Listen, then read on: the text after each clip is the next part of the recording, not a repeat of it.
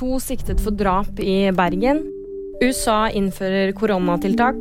Og nordmenn har fått mindre å rutte med. Bakgrunnen for siktelsen det er opplysninger fra de involverte på stedet. Det sier påtaleansvarlig Sven Arne Dahl Mikkelsen under en pressebrifing onsdag kveld. To personer er siktet etter at en mann ble funnet hardt skadet i en leilighet i Bergen. Mannen ble erklært død etter at han kom til sykehuset. Det var tre andre menn på åstedet. To av dem er nå siktet for drap eller medvirkning til drap. USA innfører koronatiltak for tilreisende fra Kina. Fra og med 5.1 må alle som reiser fra Kina ta en koronatest to dager før avreise. Også Italia har innført koronarestriksjoner for Kina.